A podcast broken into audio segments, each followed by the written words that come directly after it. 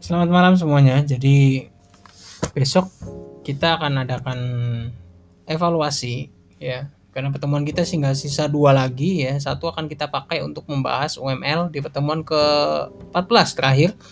Nah, ya, besok kita akan evaluasi ya untuk activity diagram ya. Karena kemarin kan saya ngasih tugas tapi saya tidak review tugas Anda. Jadi saya nggak tahu Anda bikin atau enggak. Nah, kali ini Anda akan dikasih tugas yang harus dikumpulkan di Edmodo ya yang waktunya itu dimulai dari jam 8 pagi akan muncul soalnya sampai 11.59 siang bukan malam ya di hari yang sama.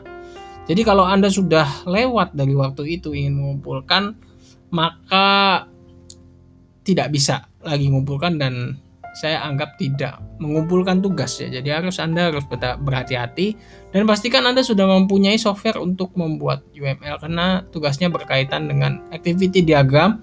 Ada tiga soal nanti yang diberikan ya. Bentuknya seperti soal cerita. Nah Anda tinggal menulis dari soal cerita tersebut dibikin diagramnya. Oke, saya rasa sudah jelas penjelasan saya. Selamat mengerjakan besok.